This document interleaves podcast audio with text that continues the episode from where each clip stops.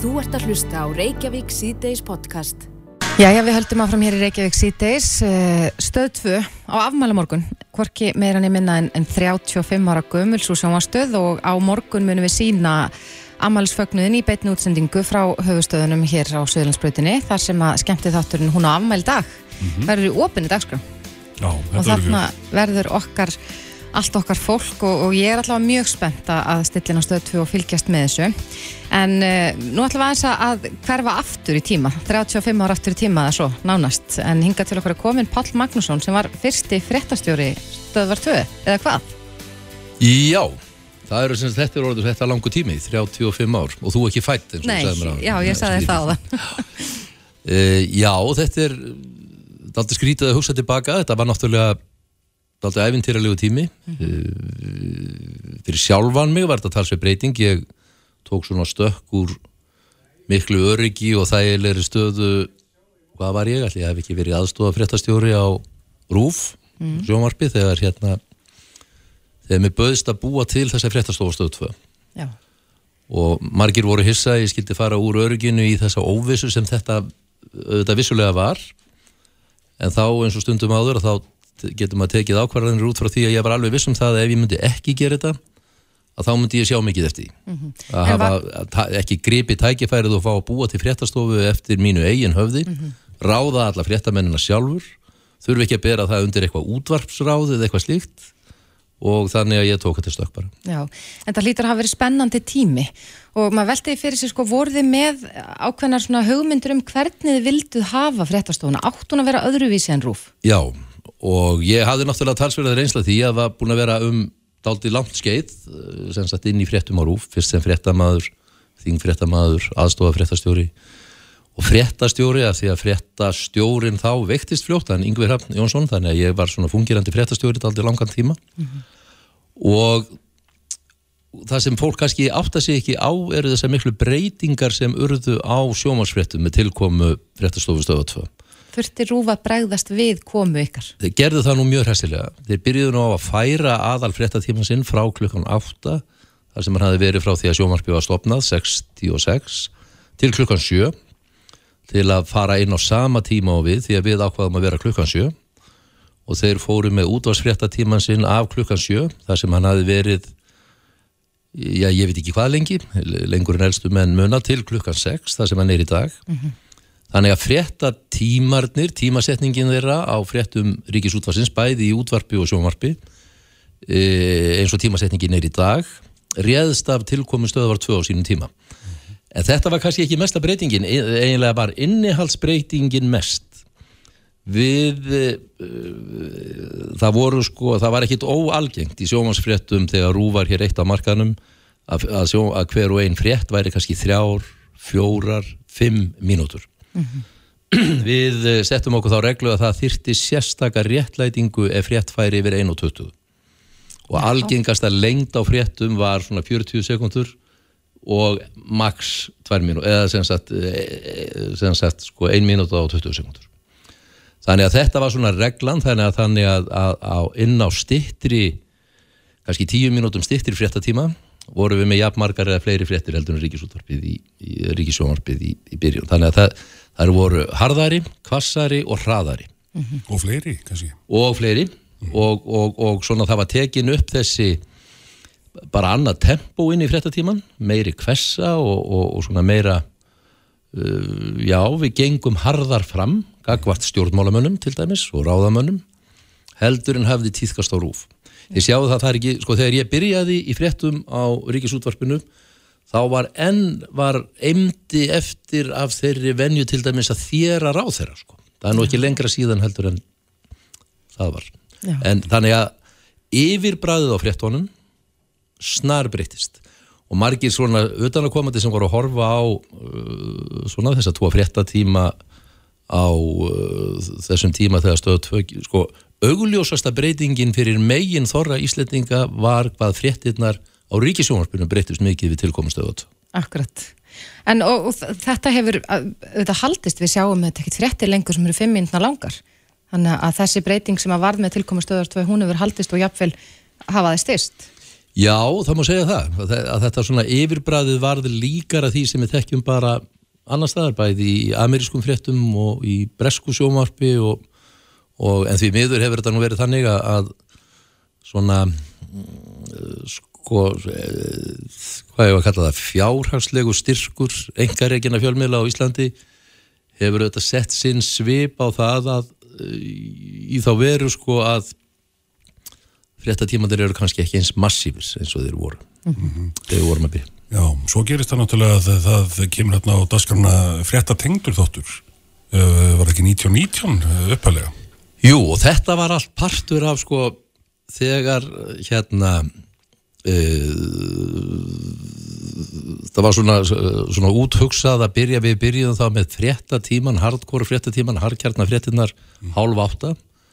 En vildum byrja að vera með svona að, aðför að þeim sko, það er að segja svona aðdraganda með léttara magasínefni. Og þá var eiginlega, þetta var svona gert eftir franskri fyrirmynda því leiti til að stöð 2 má eiginlega segja að hafi verið byggð upp með Kanal Plus í Fraklandi sem fyrirmynd. Já. læst áskriftastöð með opnum klukkutíma glugga með fréttum sem hafði tvennskona þýðingu. Annars vegar það að búa til vettvang auglýsingaglugga sem var hægt að selja í dýrar auglýsingar í opinni dagskrá. Þetta er sko, enn erum við að taka þessa umræðu með opina læstan fréttatíma eins og þið þekki hér núna með fréttinnar á stöðu 2 núna og það, semst, annars vegar það að hafa möguleikan til að selja dýrarauglýsingar inn í áhorfsklugga og munum það sko að það tók stöðu 2 ekki nema nokkra mánuði að ná sambærilegu áhorfi á fréttatíman sinn eins og var á frétti ríkisútvarsins sem gera það að verkum að var þetta selja inn í þetta dýrarauglýsingar og svo var þetta gluggi líka þá til að kynna læstu dagskrána til að lokka eða laða að fleiri áskrifendur. Akkurat. Þannig að, og þá var búin til þessi 1919 konsept, sambland af harkjarnar fréttum og léttar að svona léttar og svona magasínefni, human Já. interest efni eins og kallaði þess. Akkurat. En nú eru liðin 35 ár síðan að stöð 2 fór í lofti í fyrsta sinna, á morgun eru liðin 35 ár. Er eitthvað svona eftirminnilega sögur sem þú mannst eftir sem þú vilt deila með hlustendum bylginar? Já, þetta var náttúrulega uh, sko frægasta og augljósasta merkið náttúrulega daginn sem við fórum í loftið var hljóðleysið mm -hmm. vandaði hljóð á fyrstu útsendinguna sko tímasetningin og æsingurinn við það að koma þessu í loftið réðst af því að það var rétt í þann mund að byrja hérna leiðtóafundur mm -hmm. það er að segja Reykján og Reykjavík Rísastór atbyrður í okkar sögu. Rísastór, já, og þið getið ímyndað ykkur sko hvernig fréttastjóranum var hérna sko hvernig, sko hvernig manni leið með þá tilhugsun að segja, jú, það var voða gaman að opna þessi fréttastofi, við opnuðum þarna daginn eftir að leiðtúafundurinn var í Reykjavík. Það eiginlega gekk ekki sko. Þannig að það var öll áhersla lögð á það að opna stöðina áðunum fundurinn byrjaði. Og fundurinn byrjaði daginn eftir að hann opnaði. En, en það gerði það meðal annars að verkum og eftir á að higgja reyndar að þá varði eiginlega stöð 2 að fara hljóðlaus í loftið mér fannst hún sko miða við allan að, aðdragandan það hefði eiginlega ekki verið í lægi ef allt hefði verið í lægi þegar hún fór í loftið. Þannig að eftir á að higgja það var bara fínt að hún fór hljóðlaust. Já. En þú kemur afturringa á morgun, þú ert að fara að taka þátt í ammálsveislunum, ég tek þátt í partíinu annarkvöld á stöð 2 já. Já, en við getum eiginlega ekki slettir, við vitum að, að ja, þú ert auðvitað búin að vera þingmaður núna síðan árið 2016. Hvað tekur við hjá þig núna, Pall? ég bara veit það ekki Það eftir að koma í ljós. með tillögu Já, getur kannski komið að vera hérna eitthvað með okkur? já, þess vegna sko Ímislegt hægt. já, já. En við hvetjum alla til þess að fylgjast með afmælisveislu stöðvar 2 á morgun, en Pall Magnússon, takk kærlega fyrir komuna. takk svo með Þú ert að hlusta á Reykjavík C-Days podcast. Reykjavík sittis á bylginni heldur áfram. Uh, Sælabankin hækkaði stýrivexti í vikunni. Það kom fram í fréttum vikunum að, nefnd Sælabanka Íslands hefur ákveðið að hækka vexti bankans um 0,25% og eru því eh, 1,5%. Já, þetta er hálf, hálf prosentustig á, á einu mánuði, svona cirka. Eitthvað svoleiðis, það er allavega, við erum með þetta, við sáum stýrivexti í sögulegu lámarki hérna í kringum COVID og, og nú eru þeir að hækka aftur og algjörlega búið að vara við því að það myndi gerast. En um, maður velti alltaf fyrir sér sko hvaða þýðingu þetta hefur fyrir heimilin. Já. Ég er ekkit vissum að ég átti mig algjörlega á því hvað, hvað þetta þýðir, hvert fara peningarnir, hvað er að gerast. Akkurat. En ég rakst á grein hérna á vísi.is í dag þar sem að ég segir að stýrivaksta hækkanir eru egna tilfærsla frá skuldsettum heimilum til fjármálakerfisins og sá sem rítar þessa grein Vilhjálmur Birgisson, formaður verkalýsfélags Akranis er á línunni, kom til sæl Vilhjálmur. Já, já komið í sæl. Já, hvað meinar með þessu? Getur útskipt fyrir okkur hvernig uh, stýrivaksta hækkanir eru egna tilfærsla frá heimilum til fjármálakerfisins? Já, það bara blasir við í raun og veru að það sem að gerist í, þegar að vextir eru hækkaður að þá er verið að færa fjármunni frá þeim sem skulda til þeirra sem eiga fjármagnið í, í þessu til fjármála kerfið og sem dæmi að þá likur fyrir að skuldir íslenskra heimila samkvæmt tíund sem er blada sem að ríkiskastjóri gefur út Mm -hmm. að það voru skuldir heimilana árið 2019, það eru nýjustu tölur sem ég hef 2226 miljardar sem að þýðir í raun og veru það að ef að þessar þrjár stýrarvesta hækkanir sem hafa komið núna liðnum mánuðum upp á 0,75% að hafa sem sagt farið úr 0,75% upp í 1,5% eins og þeir eru í dag að þá er þetta og ef að þetta skila sér inn í allt vaksta umhverfið hjá heimilunum tæpir 17 miljardar sem er í raun og veru bara fæft frá heimilunum yfir til fjármála kervisins. Þetta er bara eigna tilfænsla eða jafnvel eigna upptaka ef að þannig má orði komast. Og, sem, og, og sem dæmi líka bara til að setja þetta niður á heimilin að, að venjulegt heimili sem skulda kannski 35 miljónir að ef að uh, vextir hækkum 0,75% þá hefur það áhrif sem nefnir 262.000 á ári eða 21.000 á mánuði. Og það er bara þetta sem að ég er að benda á að fólk verður að átta sig á þessu. En ég bendi á annað í greininni Já, þú ert raun og ég- veru með tillögu að, að betri leið til þess að já, vinna úr þessu og draga úr uh, enganislu.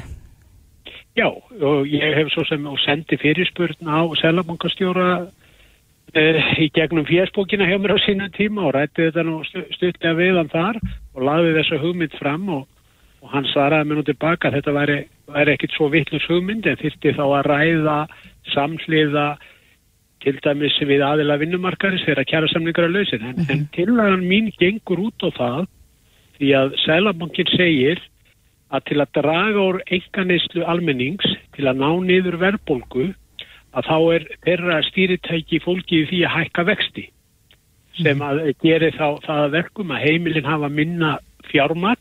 En þetta fjármagn er bara fært yfir til fjármála kerfisins.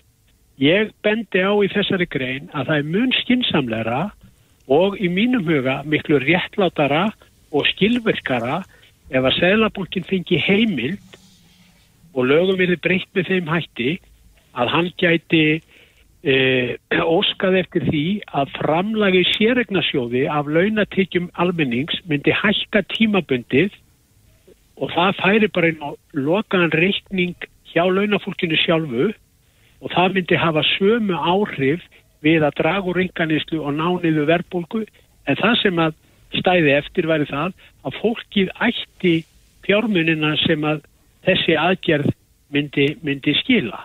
Það væri ekki verið að færa fjármunni frá launafólki yfir til fjármálakerfisins, heldur færi þetta inn á lokaða reikning og þetta stýritæki Sælabankans myndi svín virka eins og skot. Já, Vilhelmur, þetta hljómar eins og mjög góð hugmynd, allavega svona í, í mínum eirum.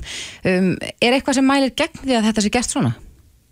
Ætli það sé ekki bara fyrst og fremst eins og hefur alltaf verið út um hinn að víðu veröld að hinn er sterku, hinn er ríku, þeir sem eiga fjármagnið, þeir gráta það ekkert þegar vextir fara upp að þá fá þeir bara meira. Og þetta er ekkert annað sem að þarna myndi gerast heldur það að fjármála kerfið, það myndi klóst ekki hugnast þessi leið því að þá er þið vakstast í látt en við hefðum þetta stýritæki. Og ég vil líka benda á eitt sem að ég reyndar skil ekki Já, þegar er verið að tala um að það sé verið að nota þetta sem stýritæki til þess að nániði verðbólgu að þá skoðaði ég líka hjá ríkiskastjóra hvað fyrirtækin skulduðu og nýjustu tölur eru frá 2016 og þá skulda fyrirtækin 8.800 miljardar og ef það er verið að hækka vexti um 0,75% þá þýðir það það að fyrirtækin þurfa að borga í auka, uh, auka vakstakostnað sem nefnur 66 miljörðum. Takkið eftir. Þannig að þetta er í raun og veru bara til hagspóta fyrir já, fjármálakerfið sjálft. Nákvæmlega og, og þeir sem eiga fjármagnir, þeir sem eiga fjármagseigundur þá er herri vextir því meiri, meiri tekju. En 66 miljardar sem leggjast ofan á fyrirtækin, hvernig haldið þið að fyrirtæki fjármagni þennan auka fjármagskostna hefða sér með öðru heldur en að láta almenning síðan borga? Hækka verð og þar fram til götu. sem fer síðan út í verðlægið aftur. Já, Þannig að við þurfum að setjast niður og ég sko, uh, mun beita mig fyrir því að til dæmis í komandi kjærasamningum á næsta ári, þegar kjærasamningar renn út, að menn taki þessa uh, hugmynd sem að uh, ég er með og við skoðum hana og, og atugum hvort að sé ekki að finna einhverja útfæsla á þessu þannig að við séum ekki að færa hér gríðalega fjármunni frá launafólki og heimiljónum yfir til fjármála kerfisins þegar er þetta að finna mun skynsamir leið til. Akkurat. En já, þú ert búin að allavega eiga eitthvað svona nokkuð óformlegt samtal við uh, Sælabankastjóra sem segir að þetta sé allavega ekki galin hugmynd en að það þurfa að eiga sér stað samræður um þetta. Hann allavega sló hann ekki út á borðinu þegar ég sendi honum þessa hugmynd mína og mér þótti væntu það en hann ítrekka það að þetta geti verið eitt af því sem að menn myndur ræða þegar að kjara samningar eru lausir og ég er svo sannlega tilbúin til að taka þetta mál og, og færa það á annar stig.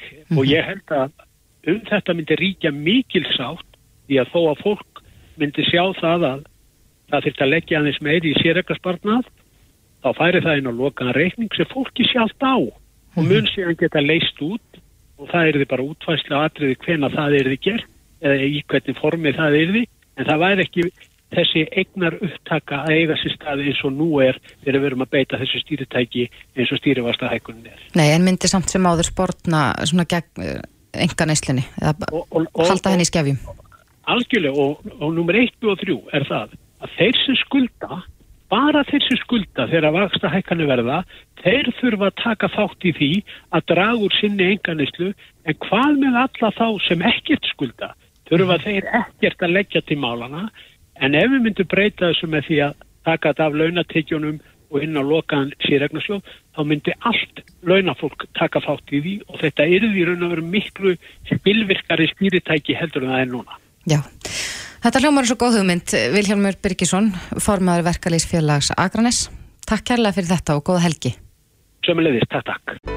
Þetta er Reykjavík C-Days podcast.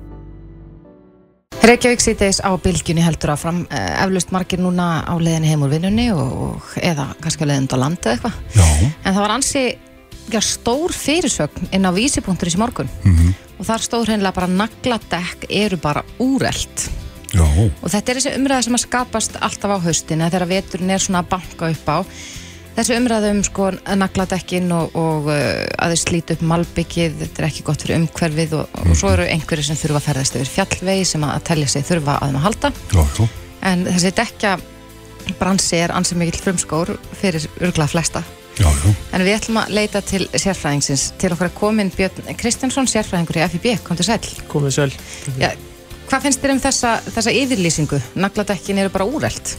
mér finnst það frekar bara djúpt tekið í þetta það er hérna að uh, vissulega eru óneld dekk búin að batna mikið á seinustu árum og, og, hérna, og við ákveðna aðstæður eru þau orðið mjög sambarileg þeim neldu en fólk verður samt að hugsa út í að fara í ákveðna þarfagreiningu og horfa inn á við við hvað aðstæður er verið að aga svo almennt og, og það eru ákveðna aðstæðar sem að nagladekkin eru bara með yfirbyrði og það eru þó sérstaklega við akstur í ís eins og maður segir að, að út af nöglunum Reykjavíkuborg sendi frá sér fréttatilkynningu í morgun undir yfirskriftinni Nagladekk eru ekki góður kostur í Reykjavík.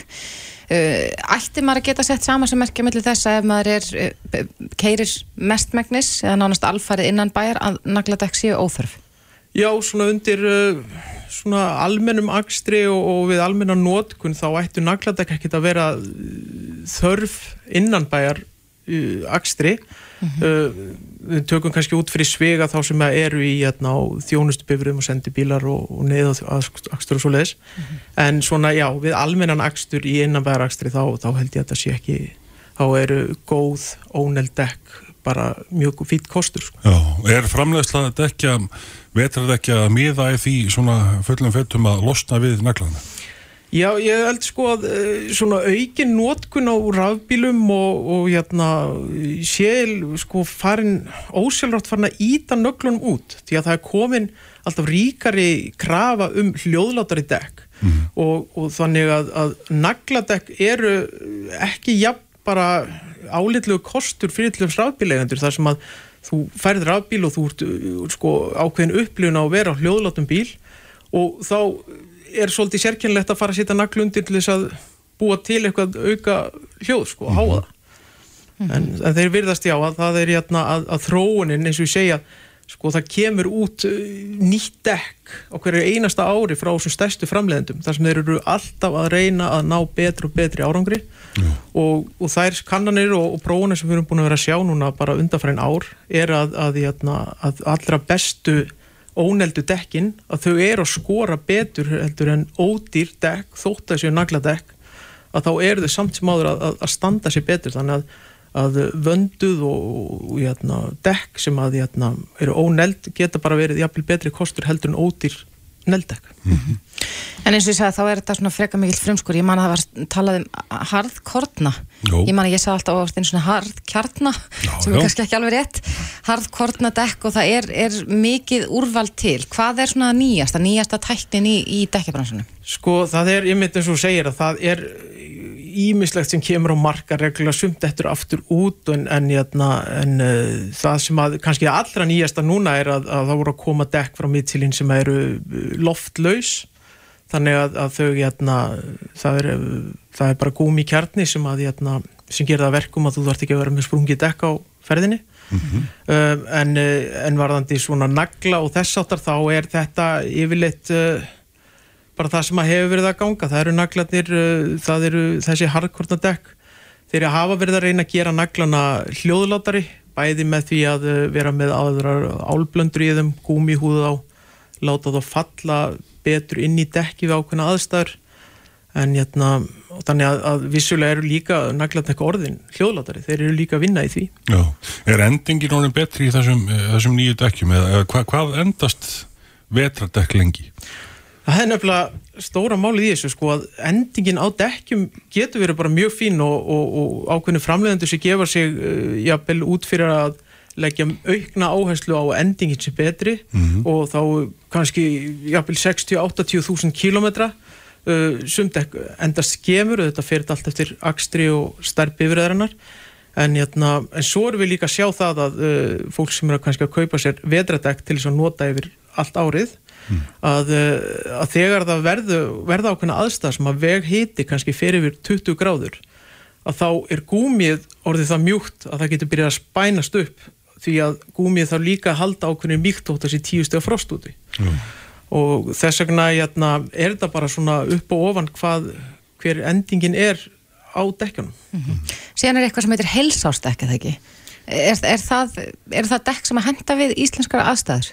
Já, það er einmitt þessi dekk sem að jötna, Já, vetradekk sem notar all... sem notar allan ásvísing mm -hmm. og, og það er mismandi hvað fólk skilgrein sem hilsástekk það eru mörg vetradekk eru seld sem hilsástekk á Íslandi mm -hmm. og þau geta bara reynst fínt uh, svona almennt séð Við Volvo var til að taka þá stóra ákvörðun að því sem fylgjum bandreikjum eru bílarnir, nýjir bílar frá þeim seldir á hilsástekjum þannig að þeir hafa treyst sér til þess að selja bifriðar á dekkjum sem að hægt er að nota jamt uh, á vetri og, og, og sumri mm -hmm. það er svona í mildra veðufari kannski þannig að, uh, að ég held að það sé svona drauma staðan fyrir alla að fá dekk sem að geta þjónust að bílinn bæði jamt vetur og sumar Já, það er vast margir sem hafa upplifið að uh, það að svona reyna að treyna dekkin eins langt eins og hægt er hver er svona þumaböttareglan um það hvernig þú átt að skipta? Já, það er, þjóðlupjöttareglan eru þetta svo að það er ákveðin jætna, uh, dýftar viðmið, bæði yfir sumar og, og vetur í, sem er hægt að mæla í millimetrum. Mm. og jætna, uh, svo eru þetta, eru merkingar oft í dekkjunum sem sínar hvenar, uh, hvenar þú ert komin að slit mörgum samkvæmt framleganda, mm. hvar hann segir að dekki sé að hægt að, hægt að þjóna þeim tilgangi sem er með. Svo er líka einmitt gott að minnast á það sko þú veist að tala um áður með sko endingu dekja að uh, dekk sem eru orðin fimm ára gömul að þá má alveg fara að hugsa um hvernig er ástand á dekkjunum. Þetta er gúmi það eldist og það getur þotnað upp og skemst þannig að, að þótt svo að maður sé sko getur verið stoltur af því að hafa keitt sér dekk sem hafa ennstir í tíu ár að þá er það kannski bara ekkert svo æskilegt að fara það langt með dekkin sko. Mm -hmm.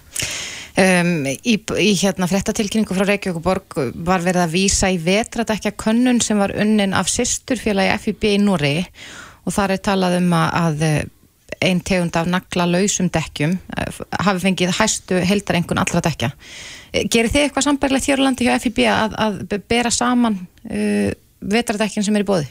Já, við höfum, uh, sko, við höfum kannski ekki farið beint í kannanir hérna innanlands en við höfum stuðst við þessa könnun frá norsku, norska félaginu í mörg ár og hún er óbóslega viðamikil og flott og, og hérna, óháðir aðeins sem að taka hann út. Uh, við þurftum við myndi að svara nokkur símtölum út af akkurat þessi sem úr þetta að lesa upp mm -hmm. því að það er smá miskilningur í gangi varðandi þessa könnun því að þeir eru með tvær algjörlega sjálfstæðakannanir. Önnur eru vetradekk sem eru tekið fyrir, 8 tegundir og svo 8 tegundir af óneldum dekkjum. Uh, og það eru þá uh, menn sem að meta þá axtus uh, og gæði dekkjana út frá því að þeir sem er óneldekk þannig að, að raunverulega var uh, sko óneldekk ekki að skora hæst í könni heldur var það að skora hæst í könnun fyrir óneldekk en, en það náði sko ef við horfum svona uh, út frá þegar að fara dýbra í könnuna þá var það samt að ná alveg í já, þriðja, fjórða sæti á, jæna, á ákveðinu sviðum til þess með akstur í ís. En síðan þegar þú kemur að akstri uh, við á blöytum vegi uh, akstur jæna, hvernig það byrjar að fljóta upp og annað þá eru nagladekkin og uh, jæna, óneldudekkin þau eru bara að koma út á pari mm -hmm. þannig að uh, þegar að maður fyrir að hugsa út í hvort maður er á nagladekk ef þú stefnir, þú sko, sérð ekki fram á það að vera að keira mikið og ísilöðum vegi að þá eru um mitt óneldu dekkin alveg sambarileg. Já, það er, er orðið svolítið í kringum nagladekkin að maður er pínur lítinn hortna ef maður er á nagladekkjum innan bæjar. En uh, þannig að þið sjáu ekki títi fyrirstöðu fyrir fólk sem þarf að fara yfir fjallvegið að keira þar sem er meiri ís að vera áfram á naglum. Nei, alls ekki. Og það er nummer 1 og 3 að, að öryggið skiptir auðvitað mesta máli í þessu. Mm og þá kemur bara aðeins að þarfagreiningu. Ef þú ert að uh, þart að fara út á land reglulega uh, ef þú býrð út á landi þart að keira einhverja vegalengt að þá tvímanlust er það hérna, ástæðilega að skoða að fara á naglana Já. Björn Kristjánsson, sérfræðingur hjá FIB Takk kærlega fyrir komina og goða helgi Takk fyrir það Reykjavík síðdeis á Bilginni podcast Bræði það er nú orðið uh, að mér finnst ansið langt sem við töluðum um koronaviruna hér í Reykjavík sýtis. Já. Það verður svona minna um fréttir. En nú berast fréttir af því að um, Livja framlegandin Pfizer hefur óskað eftir því við matvæla og Livjastofnum bandaríkjana að uh, heimilt verða að bólusetja börnum, nei börn fyrir ekki, á mhm. aldrinum 5 til 11 ára. Já. Og uh, í skriflegu svari Livjastofnunar hér á landi við fyrirspurt fréttastofu Ríkisútvarpsins kemur fram að já, niðurstöður rannsóknar sem að Pfizer hafa byrst að þar komi fram að bólöfni sé örugt til nótkunnar hjá 5-11 ára börnum að mhm. þólist vel og síni fram að góða svörun líka mann sem er myndun mótefna sem hindra síkingar Jú. en það er spurning hvort það sé bara stutti að þetta gerist hér og, og margir hafa nú velti fyrir sér hvort að þörf sé á þegar að það er nú ekki meira um smitt í samfélagin en uh, raunberi vittni núna Nei, maður er að sjá í þessum nýju tölum að það eru hansi margir sem eru óbólusettir og þá vakna svo grunur að þetta geti við erum mikið til börn. Akkurat. Á línunni hjá okkur er Björn Rúnar Lúvíksson sem er prófessor í ónæmisfræði við eh, Háskóli Íslands. Kom til sæl. Já, góðan daginn. Já, þetta eru, eru fréttir. Hinga til hafa einungis börn 12 ára og eldri verið bólusett við uh, gegn kórnuverunni. Uh, Sér þið fyrir að þetta muni vera gert hér á landi að börn á aldrum 5-11 var að verði bólusett? Ég get vel ímyndað með það að uh, núna Eh, núna er það kannski lók þess ás eða í byrju næsta verður við komið með nægilega mikla vitnesku til þess að, að beita þessu eh, með skynsallegum hætti. Það sem að ég held hins vegar að, að með núvarendi görg og útbæðslu sjúkdómsins sérstaklega hér að þá kannski þurfum við aðeins að hugsa málið betur og, uh, og meta þetta með til, til, þeirra gagna sem liggja fyrir. Sko allt bendir til að þetta sé örugt og, og, og virki mjög vel en hins vegar þurfum við náttúrulega að horfa líka til þess hversu algengt smitið er í, í þessum aldurshóp og, og hversu alvegleg e, sjúkdómsenginni eru til þess að réttlæta yngripp eins og bólusetning á þessu stíi. Akkurat. Hvernig hafa, hefur það verið með börn á þessum aldri 5-11 ára? Hafa þau sínt mikil enginni þegar að uh, já, þau hafa síkst? Nei, sko, almennt í börnum að þá eru þau, þau síkjast síður heldur en, uh, heldur en fullotnir og kannski það sem meira skiptir máli í þessu máli er að, er að þau fá sjálfna sko, þetta alvarlega form. En það er hins vegar uh, stað, klár staðreind að til dæmis ef við horfum nú á þann hóp barna sem núna er verið að bólusetja og, og ég fyllilega hef stutt að þá er ágætt núna grein sem byrtist nýlega í, í bandarísku blæðinni Circulation bara núna fyrir mánuðu síðan mm -hmm. þar sem menn einmitt reyna að meta þetta og það kemur mjög skýrt fram að, að miða við 12 til 17 aldurs aldurinn og, og miða það við til dæmis yngra yngri fulláð natt, svona 24 til, til 30 mm -hmm. að þá ef að miða við 17.000 síkta sem myndur síkjast að COVID-19 þá eru um það vil 40 sem myndur þurfa að fara á görgjæslu í þessum yngsta aldurshópi það er að segja 12 til 17 ára mm -hmm.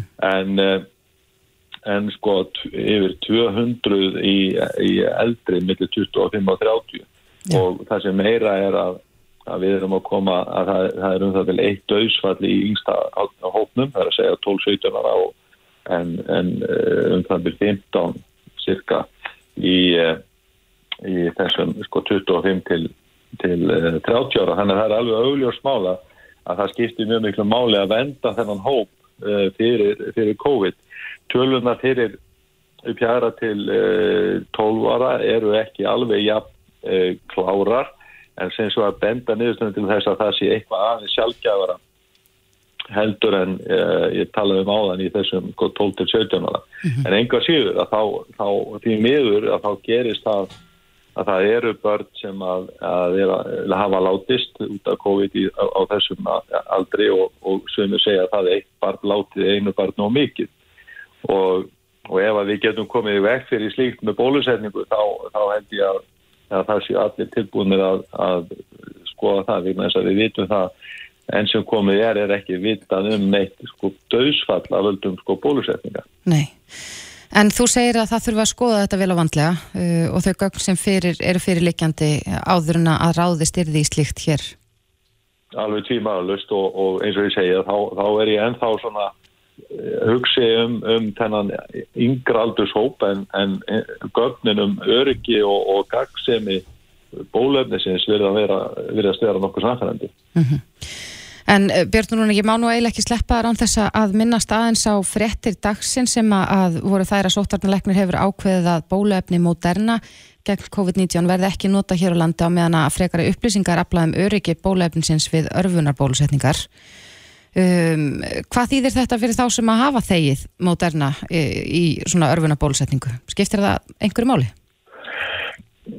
Eh, ég held, sko, þegar við snúum okkur þetta er eiginlega tvö, tvö mál fyrst alveg er örfuna bólusetningin og svo hins vegar uh, tengsl um, þessi RNA bóluefna við hjarta telsbólgu og, hjarta vöðabólgu eða kollurúsbólgu uh, sko varandi börgunarskattin þá, þá hef ég ekki verið talsmaður þess að, að helbriðir með gott ornumiskerfi láti bólusetja sem börgunarskatti. Ég sé örmulega hef ekki eitthvað séð fyllilega ástæði til þess.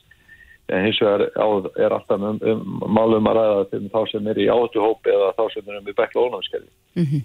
Þannig að það, það er kannski greinið mig og, og, og nú er endur álíkingar á. En, en hins vegar hvað varðar áættuna um hjarta vöðabólgu eða kollurhúsbólguna þá er það náttúrulega umhugsunarvert að það virðist að vera kannski meiri tíðni af uh, þessar aukaverkun sérstaklega hjá ungum uh, kallmönnum og, og og, ungum, og unglingum, að, drengjum unglingsaldri uh, og þá sérstaklega eftir þá aðra sprautuna. Uh, tíðnin á þessu er hins vegar ennþá svolítið óljós, niðurstöðunar frá bandarísku lifi eftir stofnunni og, og síkingarstofnmiðstöðinni eða CDC mm -hmm.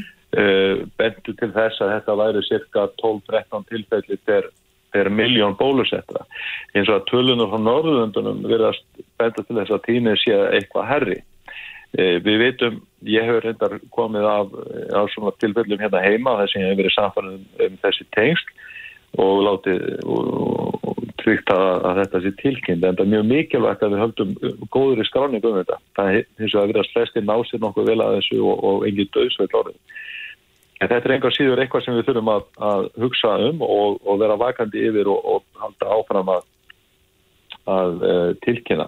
Uh, það er eitthvað allavega í þessu norðurlanda gagnakurinn sem að ég hef ekki séð því miður. Því miður það þess að tölur ekki verið ofnberað benda til þess að þetta sé eitthvað algengara hjá mótarina heldur en fæsubólunum mm -hmm. uh, og þá sérstaklega varðandi þá sittni bóluset, bólusetningarsnaftin mm -hmm.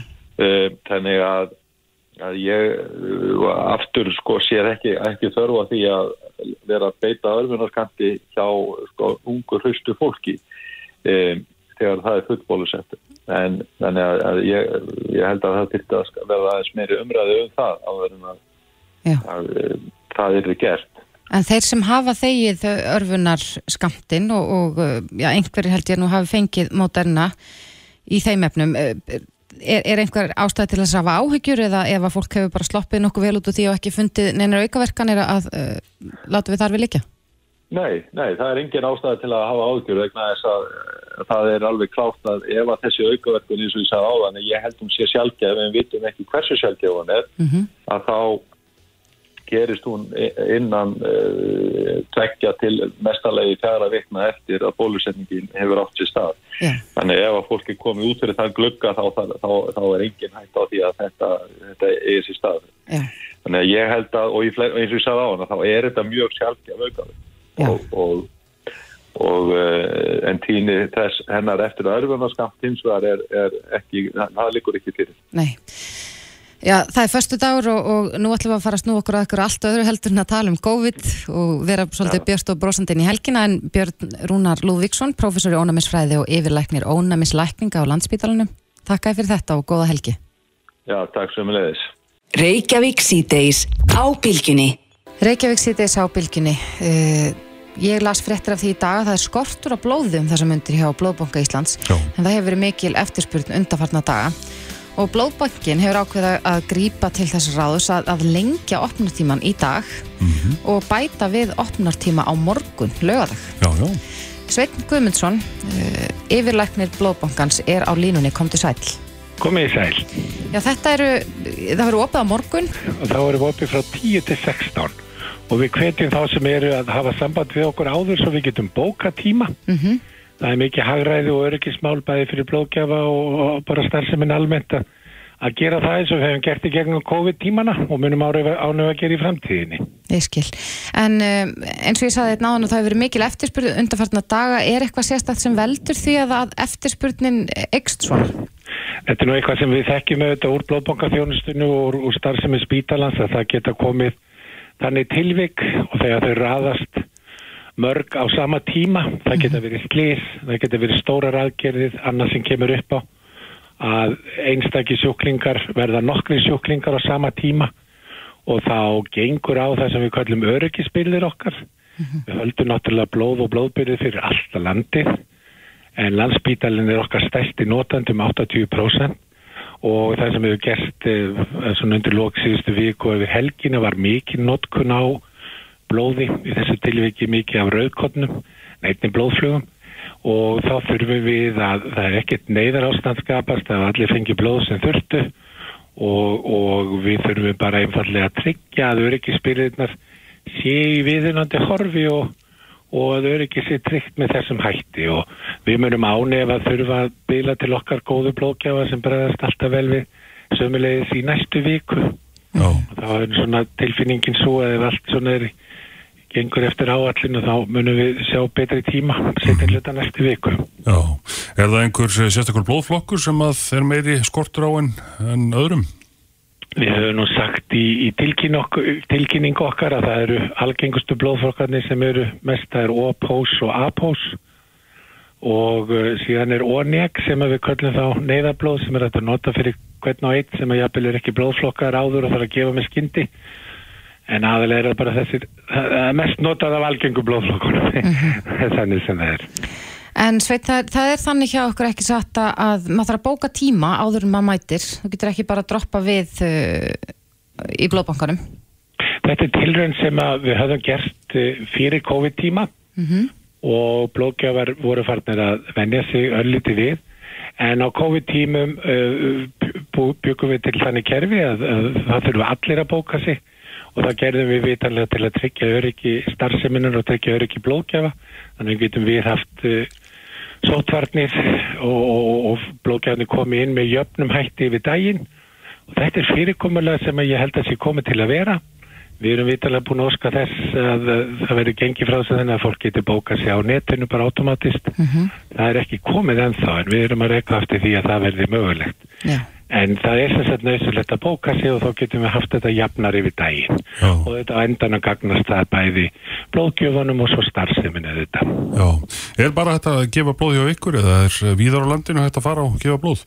Já, við erum með príðis góða starfstöð sömulegis á Glerartorki og Akureyri. Mm -hmm. Þar erum við með starfsmenn og þetta var opnað 2018 og hefur verið sankallega mjög góður árangur af, af þeirri blóðsöfnu sem þar er. Mm -hmm. Og við höfum séð að nollendingar og jafnvel ferðafólk hefur verið duglegt að koma þar og það er vöxtur í söfnuninni þar og síðan erum við náttúrulega búin að vera með síðan 2003 blóðbonka bílin okkar sem er náttúrulega núna orðin 18 árum eldri heldur en hann var 2003 mm -hmm. og þarna stendur nýjunar og við erum búin að vera með svona einilegjandi óskýrum það í fyrir fjárlög síðustu ára að fá fjármunni til þess að fara í útbóð á nýjum bíl Akkurat. Við erum að teljum að fyrir við bæði bíl fyrir Suðvestur hotnið eins og við höfum verið með bíli áttu það sem við erum með núna og margir þekkja Mm -hmm. en sömulega sjáum við í framtíðin að það sé þarf á góðum bíl sem hefði bólfestu á norðausturlandi og gæti sömulegist þjóna norðausturlandi og, austurlandi Já. En Sveitn, ég rakka augun í það að einungis virkir gjafar uh, geti komið til ykkar núna. Þegar að byggja nýja gjafa um að, um að koma síðar. En ég held að svona ákall sko veki uh, ofta upp svona hjá fólki að, að kannski eru einhverju sem vilja gefa í fyrsta sinn. Mælið með því að þessir aðilar sem að vilja sinna þessu kalli og hafa ekki gert það áður komið til ykkar síðar?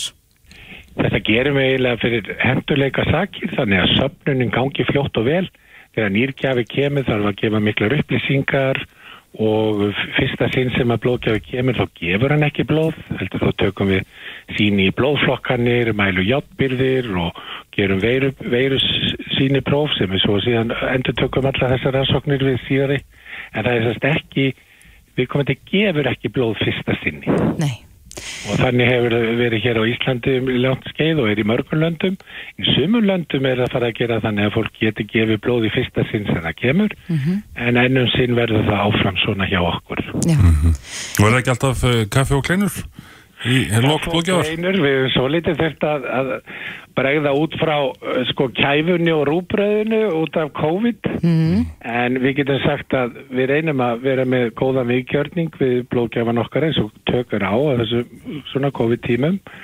En uh, við, það er gott hjartafel og ég vona fyrir hönd sjúklingana sem fá blóðhlutana að þá reynir okkar góða starfsfólk alltaf að koma því skilt álið til blóðgjafana hvað þeir eru að gera mikið gagn og þetta er svo sannarlega blóðgjöf sem er lífgjöf og það er verðt að minna á það að fólk er ekki að leggja inn í bankan heldur fólk er að gefa blóð sem að gagnast einhverjum sem að færð á betri heilsu eða bjarga lífi eða lætu við komandi líða betur og er nöðsilegu hlut af heilbyrðisjónustu á Íslandi og, og má aldrei gleyma hvað þetta er mikilvægt framla þessara sjálfbúðarlega Já. til íslenska heilbyrðisjónustu.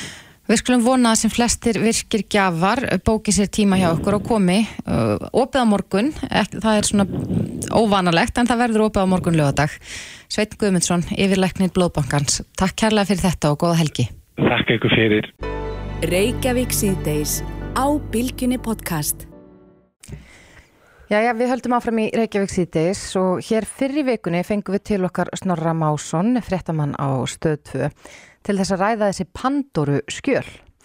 En uh, þetta er auðvitað, við vorum svolítið að býða eftir þessum degi, tölum mikið um það þá að á förstu daginn kæmi út nýjasta tölublað stundarinnar og það er stundin sem hefur þessar upplýsingar í sínum fórum. Já, var Og- ekki talað um að geti hefur komið einhver sprengja eða bomba? Jú, en það var held ég búið að ég held að Snorri hafi gert það, afskrifa það að væri ykkur íslend, íslenskir sko ráþærar eða pólitíkusar í þessu. En nú er föstu dagurinn raunin upp og Snorri Másson er komin til okkar aftur, kom til sæl. komið sælublis. Já, er þetta sprengjan sem við vorum öll að búast við eða hvað? Nei, ég myndi nú ekki segja það og uh, mér fannst nú að fólk va, hafi verið farið að stilla væntingum í hóf gagvart þessu sko og, og uh, að mér, ég svona einhvern veginn uh, vaknaði nú bara í morgun og hjólaði vinnuna og svo hitti ég Aðarstein Kertason á stundinni á leiðinni vinnuna Heppilegt. og ég var ekkert búin að lesa fréttir af því ég, bara, ég fæ mér ekki eins og kaffe á henni fyrir vinna, ég vaknaði bara fyrir vinna og spurði Aðarstein, er einhver bombi í þessu? Og hann eitthvað svona Já, ég meina, lestu bara stundina, eitthvað, kíkt á þetta og ég eitthvað svona, ok, fyrst þú sagði þetta, þá getur þú ekki verið mikil bombi í þessu og e, gott og vel og ég skoði þetta síðan bara og, og þarna e, sannlega er þetta ekki bomba en ég meina, auðvitað er þetta samt sko, það er alveg einhverju upplýsingar í þessu eða það er að segja, þetta er svona allt til til að gamalt sko það sem við sjáum þú veist, þetta er eitthvað svona frá 2003, 2004 þetta er allt svona eitthvað fyrir hrun, þetta er svona gamlar upplýsingar. Þetta koma við sögu, náttúrulega einhver flugulega kaup á vegum Æsland er það er orðið, þau kaupur orðið það gömulega allt fólki sem var að vinna þarna var yfir félaginu þá er ekki lengur að svara fyrir þetta þannig að svöru frá Æsland er, eru bara svona eitthvað já já, að, þú veist, við gerum þetta ekki við fýlum ekki á- aflandskaup en ég meina, veist, við getum ekki gefið ykkur upplýsingar um þetta almennilega. Þannig að svona, það er ekki skandal síðan eitthvað um Ármann Þorvaldsson og Kvikubanka en það verðist líka vera afgreitt mál veist, þannig að það er einhvern veginn ekkert svona konkrétt krassandi í þessu. Eh, en það sem mér finnst hins vegar, það sem mér finnst krassandi í þessu öllu í til dæmis umfjöldin stundarinnar er að ég las uh, viðtal þar við skattrannsónastjóra, Bryndisi Kristjánsdóttur. Og mér finnst það eiginlega merkilegasta, efnið í þessu öllu, það er svona hvernig hún útskýri stöðu aflandsmála í heiminum. Já. um, og það er í raun og veru þannig og hún segir að eiginlega eftir Panamaskjölun og, og líka svona eftir fjármálarfræðin þá hafi bara, þú veist þá hafi bankarnir hægt að gefa fólki bara aflandsfélög bara eins og okkur kreditkort sko. þú veist, þetta var bara þannig að þú varst eitthvað með einhverja samninga við bankun og það var svona, heyrðu, vilt ekki bara græða þetta hérna skilur, vilt ekki bara skella þessu inn einhverju skúfu í Panama það er bara ekki lengur gert sko. þess vegna erum við ekki að sjá einhverja svona einhverja venjulega íslenska stjórnmálamenn sem er einhverja peninga í einhverju svona að það bara, það týðkast ekki Nei, þannig að bara tíðarandin er annar en, en og þú talar um að þessar upplýsingar sem kom fram í þessum Pandoru-skjölum eru nokkuð gamlar. Já, einmitt, veist, það, það, það er ekki að sjá að Íslendingar séu aktíft núna að nota þetta allan ekki á litlum skala af því að það sem Bryndís segir líka í þessu viðtali er að um, það sem hefur hins vegar sko ágerst og eiginlega komið meira harka í það er, þessir, er það hvernig þessi stóru playerar gera þetta. Svona risa, risa stóru playerar hvernig þeir eh, að leikmenn þannig að tala um góð og gegna íslensku hérna á byrginni eh, sko eh, færa til fjármöni sína bara eftir eigin höfði eins og þau vilja og þar er komin rosaleg svona vandvirkni í vinnubröðum það er, það er engin að slá til hendinni með þessu, í þessu lengur sko. þannig að það er, svona, það er þróun sem mér finnst mjög aðteglisverð að svona minna, minni leikmenn og minni spámenn bara svona einhverju svona umingjans ráþæra sem er bara nokkra milljarða þeir eru ekki jafn mikið í þessu en stóru aðilatnir á mörkuðum þeir eru virkilega komnir með mjög vanda lögfræði aðgerðir í þessu til þess að í raun og veru forða uh, forða því undan skatti Já. En þessi Pandoru-skjöl, um, það var talað um að þetta væru, sko, ég ég man ekki hversu mikið, þetta var nánast ógerningur að fara í gegnum þetta allt. Eigum við að búast við einhverju meiru eða heldur, heldur þetta hafi verið stóra trompið? Mm, sko, ég stóri efast um að þau myndu sitja mikið á uh, einhverjum, einhverjum bombum stundin, ég meina þau eru búin að gefa út prent útgáðu sína að það sem að þau gera sínum hluta í Pandoru-skjölunum skil. Uh, Já, já, það hefur verið talað um þessar, þessar tölfræði kringum þetta 12 miljóni gagna og mörg, mörg terabæt. uh, ég, ég held að ég meina þau hljóta að vera bara búin að kanna hvaða Íslendingar koma þarna fram. Og uh, uh, ef þau sitja á einhverju þá finnst mér það mjög undarlegt. En þá náttúrulega já, ég, ég efast um þá, ég held að þetta sé nú bara komið svona og ég held að við séum bara horfa einfallega fram á breytt landslæði þessu þar sem að fólk passa sig miklu betur en svo að það sé að finnast einhver svona skjölum fyrst og svona lekar eru að vera daglegt brauð og ég held að það sé virkilega búið að breyta þessu landslæði bara. Já, þannig að þau eru betri í því að fela peningar sér.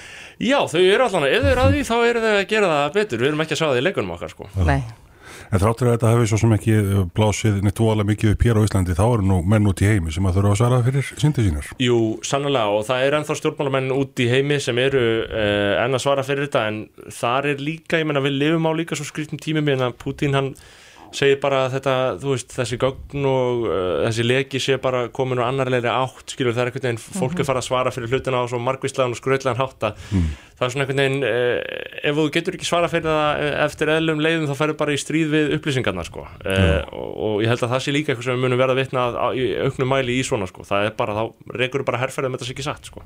já. Takk kærlega fyrir komuna. En við erum akkurat að fara að skipta yfir að fréttastofan núna, þessu er lokið hjá okkur í dag. En við verðum að sjálfsögðu aftur hérna á uh, mánudaginn. Þórdís Valstóttir og Bræi Guðmundsson, þakka fyrir sig. Góð helgi. Þetta er Reykjavík C-Days podcast.